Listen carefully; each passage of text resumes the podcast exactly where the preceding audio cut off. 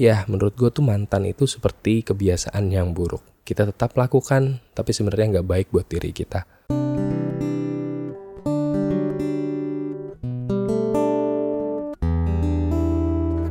Hai, gue Wisnu Kumoro, dan selamat datang kembali di Bedtime Story Podcast. Ini adalah podcast di mana mungkin kalian tidak akan mendengarkan lelucon-lelucon lucu, tidak seperti kebanyakan podcast yang ada di trending chart saat ini, bukan juga gue kategorikan sebagai podcast yang menghibur dan entertaining sebenarnya karena di podcast ini gue hanya akan menyampaikan cerita-cerita yang mungkin membuat kalian tidak nyaman, tidak membahagiakan, tapi gue harap melegakan bagi yang mendengarkan. Karena di Betam Story Podcast gue akan share mengenai aib atau mungkin kenangan buruk yang ingin dilupakan, tapi gue harap orang yang mendengarkan ini bisa relate sama cerita itu dan bisa mengambil hal baik atau hikmah positif sehingga bisa move on dan juga melanjutkan hidup dengan lebih baik. Topik yang pengen gue bahas di episode kali ini adalah tentang move on dan kenapa gue memilih topik tentang move on. Pertama, ya karena gue juga sedang dalam proses itu. karena kehidupan percintaan tiap orang itu tidak selamanya mulus ya. Kadang-kadang juga ya move on lagi, move on lagi. Lama-lama move on kayak ngantor ya, rutin. Tapi selain karena hal personal itu, gue juga ngerasa beberapa puluh tahun gue hidup ini kayaknya banyak hal tentang move on yang bisa gue sharing ke banyak orang. Karena menurut gue, orang selama ini banyak yang terjebak dengan makna dari move on itu. Gue punya pemahaman lain tentang move on yang mungkin gak sama dengan banyak orang. Karena orang selama ini relate move on itu hanya tentang asmara. Padahal menurut gue tidak hanya tentang itu. Move on itu bisa terjadi di berbagai aspek hidup yang lain, tidak hanya tentang asmara. Bahkan juga bisa tentang kehidupan profesional. Misalkan pada saat kalian lagi pindah kerjaan, itu juga terhitung sebagai move on sebenarnya. Atau mungkin move on yang terasa lebih personal lagi, misalkan seperti melepaskan mimpi yang sudah dijaga dari kecil. Menurut gue itu masuk dalam kategori move on juga dan gue akan bahas itu satu persatu. Mungkin akan gue bahas pertama dari melepaskan mimpi waktu kecil. Karena ya, gue juga pernah melepaskan mimpi gue waktu gue kecil. Dari kecil, gue itu pengen banget jadi musisi. Entah kenapa gue suka banget sama musik dan gue pengen banget jadi musisi. Dan keluarga gue kayaknya menyadari hal itu. Gue sempet sih ditawarin untuk ikut les musik dan lain-lain secara formal. Tapi memang kayaknya kemampuan otak gue itu nggak mampu untuk uh, menempuh jalur formal. Sehingga yang gue lakukan dan yang orang tua gue support adalah melakukannya secara otodidak dan akhirnya gue mempelajari piano, trompet, gitar, drum, dan bass secara otodidak. Selama kurang lebih beberapa tahun gue mempelajari itu semua secara otodidak dan lucunya alat musik yang gue punya itu cuma satu buah keyboard dan juga satu buah gitar. Gue nggak punya drum, gue nggak punya bass, gue nggak punya trompet. Tapi gue bisa memainkan itu semua. Bahkan gue sempat tergabung dalam sebuah band sebagai drummer sampai ikut festival. Kemudian juga gue pernah manggung sebagai basis. Dan gue juga ikut marching band di SMA gue dulu bahkan sampai latihan bareng guru Soekarno Putra marching band. Jadi gue melakukan semua itu secara otodidak tidak melalui jalur formal dan gue merasa bersyukur sekali, gue merasa seperti diberkati memiliki kesempatan untuk mencoba itu semua. Hingga pada satu waktu sebenarnya gue merasa percaya diri sekali kalau impian gue itu akan terwujud. Gue bisa jadi musisi. Apalagi pas tahun-tahun terakhir kuliah itu gue kesempatan tergabung dalam sebuah band dan mendapatkan tawaran untuk tanda tangan kontrak dengan salah satu label besar di Indonesia. Dan bener aja ketika gue seminggu setelah sidang skripsi gue, gue tuh akhirnya bisa tanda tangan kontrak sama label rekaman itu. Seminggu setelah sidang. Jadi bener-bener gue tuh belum lulus, belum official sebagai sarjana, tapi sudah taken kontrak saat itu. Di titik itu gue ngerasa kalau ini kejadian nih kayaknya mimpi gue waktu kecil, gue bisa jadi musisi. Itu adalah titik awal di mana gue bisa merintis karir di dunia musik. Itu adalah pikiran gue pada saat itu. Dan gue mengikuti seluruh prosesnya, gue melupakan sarjana gue, gue melupakan ijazah gue. Gue tetap proses sih, tetap ambil ijazah, tetap wisuda. Tapi gue gak pernah menggunakan ijazah gue sama sekali. Dan akhirnya gue memilih untuk menekuni dunia musik. Ada naiknya, ada turunnya, banyak dramanya. Sampai akhirnya di tahun kedua bermusik, gue lagi ikut tour dengan sebuah band. Gue ikut bantuin tour band temen gue 16 kota, sepulau Jawa disponsori oleh brand rokok. Dan gue melihat di titik itu kok kayaknya gue nggak improve apa-apa sebagai musisi cuma gini-gini aja. Sampai akhirnya selesai tour itu bener aja gue didepak dari band gue sendiri, gue dikeluarin dari manajemen gue, dan itu selangnya cuma satu minggu dan setelah itu I have nothing. Di titik itu, semua imajinasi gue, semua fantasi gue, semua harapan gue tentang menjadi seorang musisi, seorang yang bisa hidup, berkarya, dan tua di industri musik, semuanya itu hancur seketika. Gue bener-bener di titik di mana gue bahkan tidak mau melanjutkan hidup lagi waktu itu ya usia baru 20 awal dan benar-benar keinginan sejak kecilnya hancur itu bukan hal yang mudah untuk dilewati sebenarnya. Gue sampai mengurung diri gue di kamar berhari-hari, gue nggak makan dan gue bener-bener nggak keluar kamar, literally tidak keluar kamar. Jadi kalau ada yang berpikiran gimana cara gue buang air dan makan, percayalah gue nggak makan. Bahkan gue juga nggak ingat gue minum atau nggak waktu itu. Dan ya gue menahan semua buang air gue selama beberapa hari di situ sampai akhirnya gue ditemukan sama keluarga gue dalam kondisi yang super payah banget sampai nyokap gue nangis-nangis menyelamatkan gue yang mengunci diri di dalam kamar dan akhirnya dibawa ke rumah sakit setelah itu. E, kondisi itu separah itu waktu itu ya dan gue inget banget berat badan gue tuh cuma sekitar 53 atau 52 kilo sedangkan saat ini 68 kilo. Jadi kebayang seberapa kurus kecil gue waktu itu. Nggak kerawat sama sekali. I'm on my lowest point at that moment. Dan akhirnya gue recovery, recovery, sampai akhirnya gue menyadari satu hal bahwa I have to earn something more than my dreams. Dan itu adalah uang. gue lagi kere banget saat itu dan gue udah lulus kuliah, gue harus berpenghasilan dan gue nggak tahu gue harus ngapain. Akhirnya gue memutuskan untuk kerja kantoran. Dan ya, akhirnya gue kerja kantoran. Dan di titik itu gue masih kebayang serunya manggung, serunya bikin musik bareng teman-teman, bikin lagu, menyelami dalamnya rasa dan menuangkannya ke dalam nada-nada gitu. Uh, itu gue kangen banget pada titik itu. Cuma gue juga sadar kalau gue sudah kalah. Mimpi gue saat itu sudah hancur sehingga pilihan yang gue punya hanya move on. Dan ya, gue move on, gue beradaptasi dengan pekerjaan kantoran meskipun awalnya susah. 6 bulan pertama itu nightmare banget buat gue. Ego gue dibanting-banting sama hidup.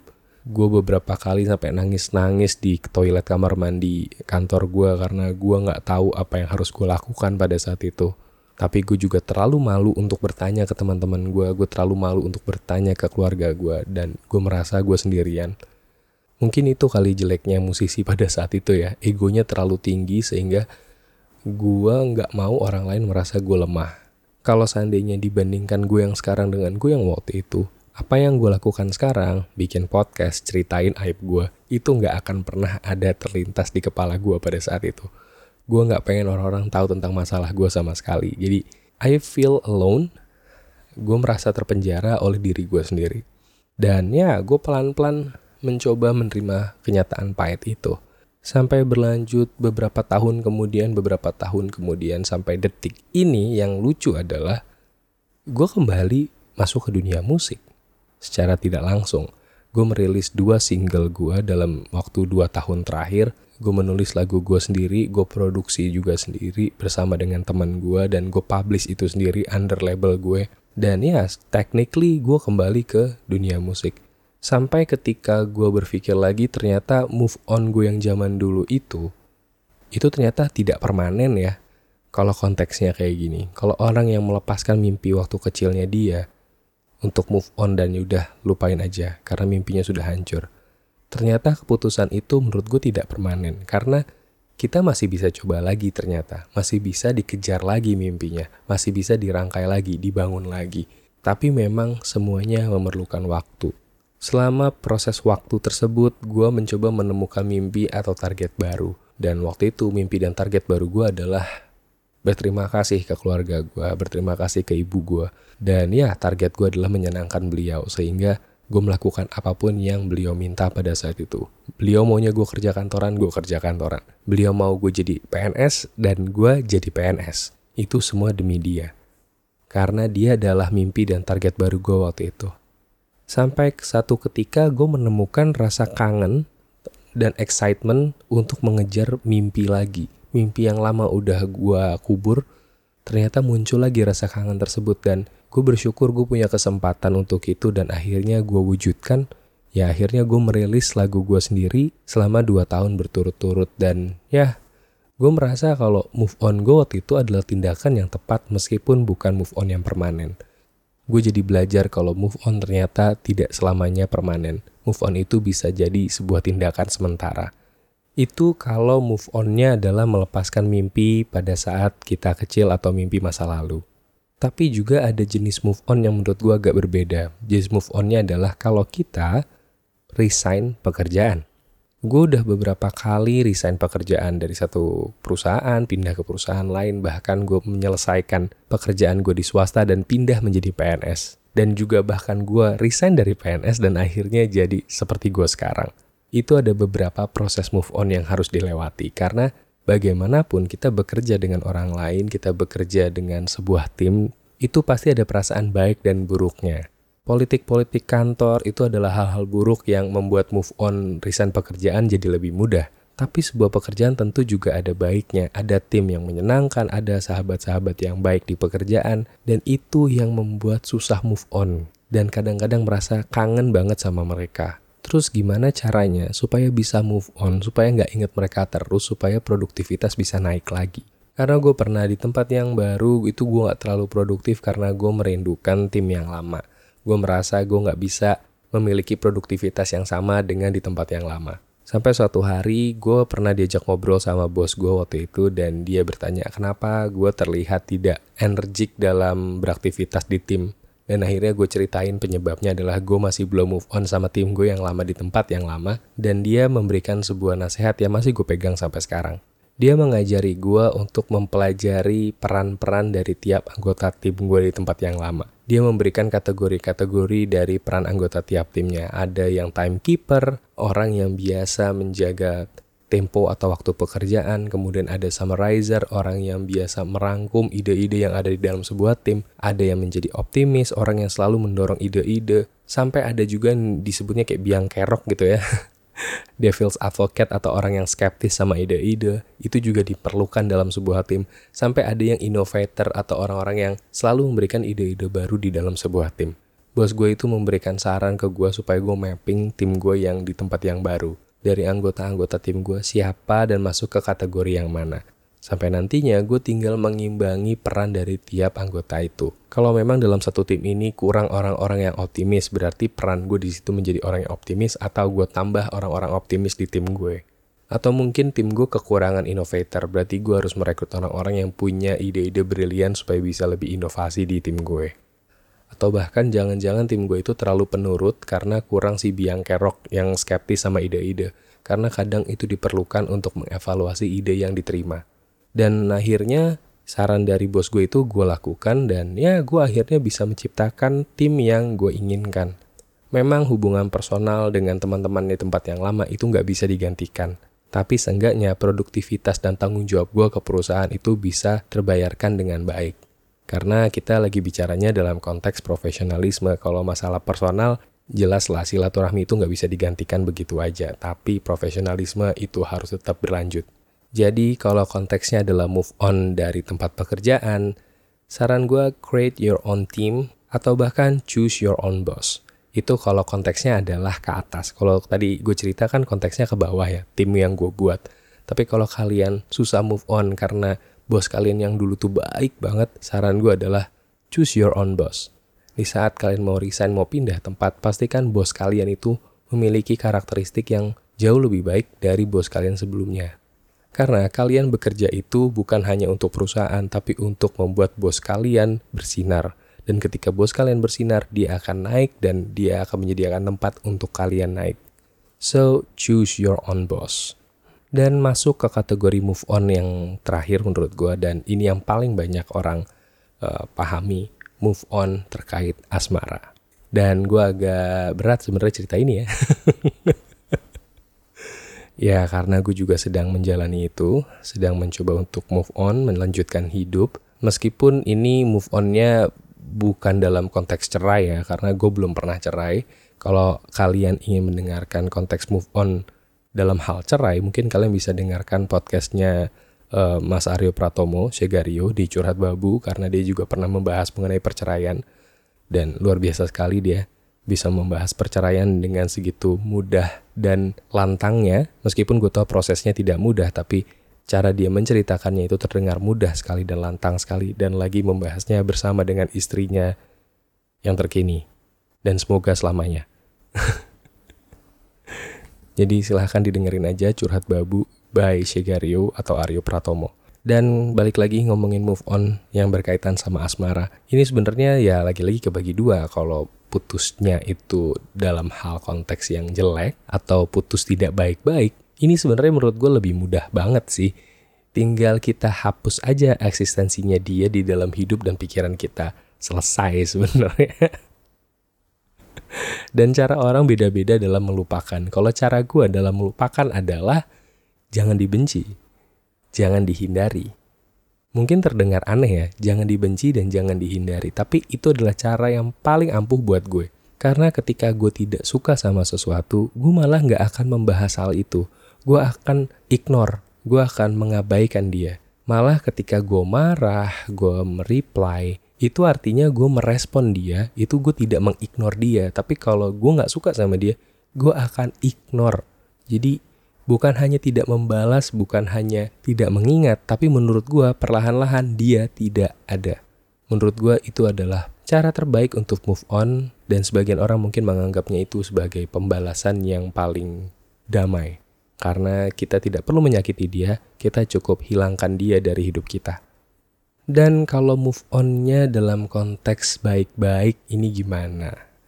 Ya ini sebenarnya agak rumit ya karena sebenarnya ya kalau hubungannya baik-baik ya tidak akan putus juga sih sebenarnya pasti ada yang salah di situ makanya putus. Dan karena kita sadar ada yang salah di situ, ya kita harus ingat it's not working. Dan hal yang nggak work untuk kita, it's not good for myself, it's not good for yourself.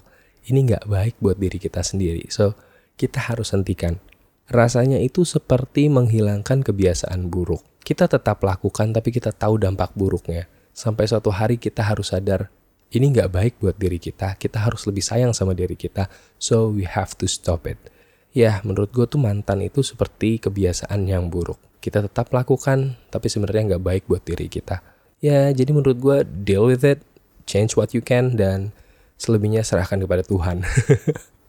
Karena menurut gue adalah itu yang harus dilakukan, seperti merubah kebiasaan buruk. Dan step awal untuk merubah kebiasaan buruk ada yang namanya distraksi atau distraction atau pengalihan atau mungkin sebagian orang ngambil konotasi jeleknya seperti pelampiasan, seperti ya yang semacamnya lah. Dan distraction ini perlu diingat ada dua hal, dua catatan penting tentang distraction. Pertama, distraction itu pasti sementara. It's temporary. Jadi karena ini sementara, jangan buat keputusan permanen apa pun selama lagi masa distraksi itu. Misalkan bikin tato. Itu adalah keputusan permanen. Kalau alasannya hanya karena sakit hati lalu bikin tato, menurut gue jangan. Itu labil banget. Kemudian yang kedua adalah misalkan mengikat janji dengan orang lain, entah pacaran lagi atau bahkan menikah hanya karena distraksi. Wah itu gila sih. Kemudian hamil, wah itu kan jangan ya. distraksi hamil rugi bandar ya kan. Atau lagi misalkan ganti kelamin, wah itu kan kacau. Ya terlalu jauh gitu, terlalu permanen keputusannya. Harus diingat kalau distraksi itu sementara, jadi jangan buat keputusan permanen apa pun. Saran gue seperti itu. Tapi kalau kalian tetap mau lakukan, silahkan.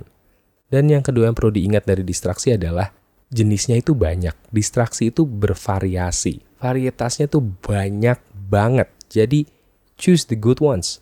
Pilih hal-hal yang baik sebagai distraksi kalian. Misalkan olahraga atau mungkin jadi diet kemudian belajar lagi, study atau meneruskan kuliah, atau sesederhana bekerja lebih keras, work harder, dan kita bisa dapat uang lebih banyak.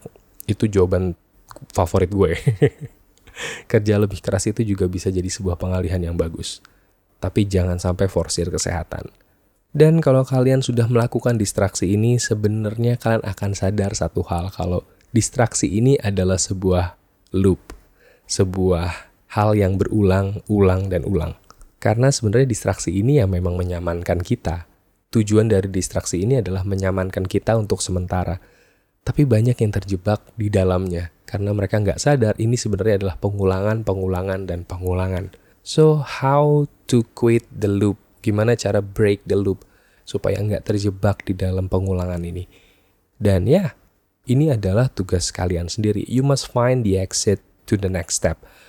Kalian harus cari gimana cara jalan keluarnya supaya bisa melangkah lagi, melanjutkan, dan benar-benar move on. Ini nggak gampang sebenarnya karena banyak hal yang harus disiapkan. Ini sama kayak preparation uh, untuk traveling. Orang ketika preparation untuk traveling, yang nggak biasa traveling pasti berpikir ini apa aja yang harus gue bawa ya gue nggak tahu harus bawa apa aja sedangkan deadline travelingnya sudah ditentukan dan kita makin pusing makin panik makin pusing dan makin panik dan akhirnya kita cenderung memasukkan seluruh barang yang kita kira-kira perlu sampai kita nggak tahu sebenarnya apa aja yang kita perlukan sampai kapan sih cukupnya kita masukin barang-barang ke koper ini?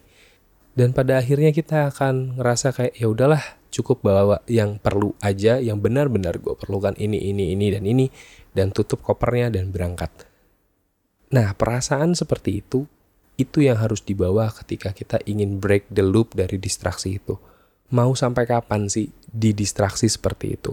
Sampai kapan cukupnya kata enough itu ada di mana? Dan kalian harus temukan sendiri dan petunjuk agar kalian bisa menemukan kata cukup di hidup kalian mungkin dengan be good to yourself, love yourself more. Karena biasanya orang yang lebih mencintai dirinya, itu biasanya move on-nya lebih cepat. Karena balik lagi kayak alasan yang tadi gue bilang, if it's not working, it's not good for yourself. Jadi jangan berikan hal-hal yang tidak baik untuk diri lo sendiri. If you love yourself, move on. Bagaimana cara mencintai diri sendiri? Kenali diri sendiri. Jadi diri lo sendiri. Kenali hal-hal yang lo suka, kenali hal-hal yang lo gak suka buat diri lo sendiri kagum sama diri lo sendiri. Terdengar aneh ya, tapi percayalah, lo punya kebaikan-kebaikan yang mungkin diri lo sendiri kagum. Lo tuh punya itu. So, find it, love yourself, dan move on. Dan ya, paling itu adalah hal-hal yang bisa gue ceritakan untuk podcast kali ini dan gue mohon maaf kalau podcastnya terdengar berbeda karena memang gue rekam dengan cara yang berbeda kali ini Semoga kualitasnya masih sama dengan podcast-podcast episode sebelumnya. Semoga kuping kalian tetap nyaman mendengarkan Bedtime Story Podcast ini dan kalau kalian mau support Bedtime Story Podcast silahkan di-share ke teman-teman kalian di berbagai platform. Ini bisa didengarkan di Spotify, di Apple Podcast dan juga di Google Podcast atau di tempat lain di Anchor dan lain-lain. Dan kalau kalian ada respon atau kritik atau saran atau apa pun, silahkan sampaikan kepada gue bisa lewat Instagram, bisa lewat Twitter atau ke YouTube gue. Silahkan cari aja Wisnu Kumoro ya di Instagram, Twitter itu sama at Wisnu Kumoro atau ke YouTube youtube.com slash Wisnu Kumoro. Silahkan temukan gue di sana. Dan sekali lagi terima kasih sudah mendengarkan Bedtime Story Podcast. Sampai jumpa lagi di podcast selanjutnya. Dadah.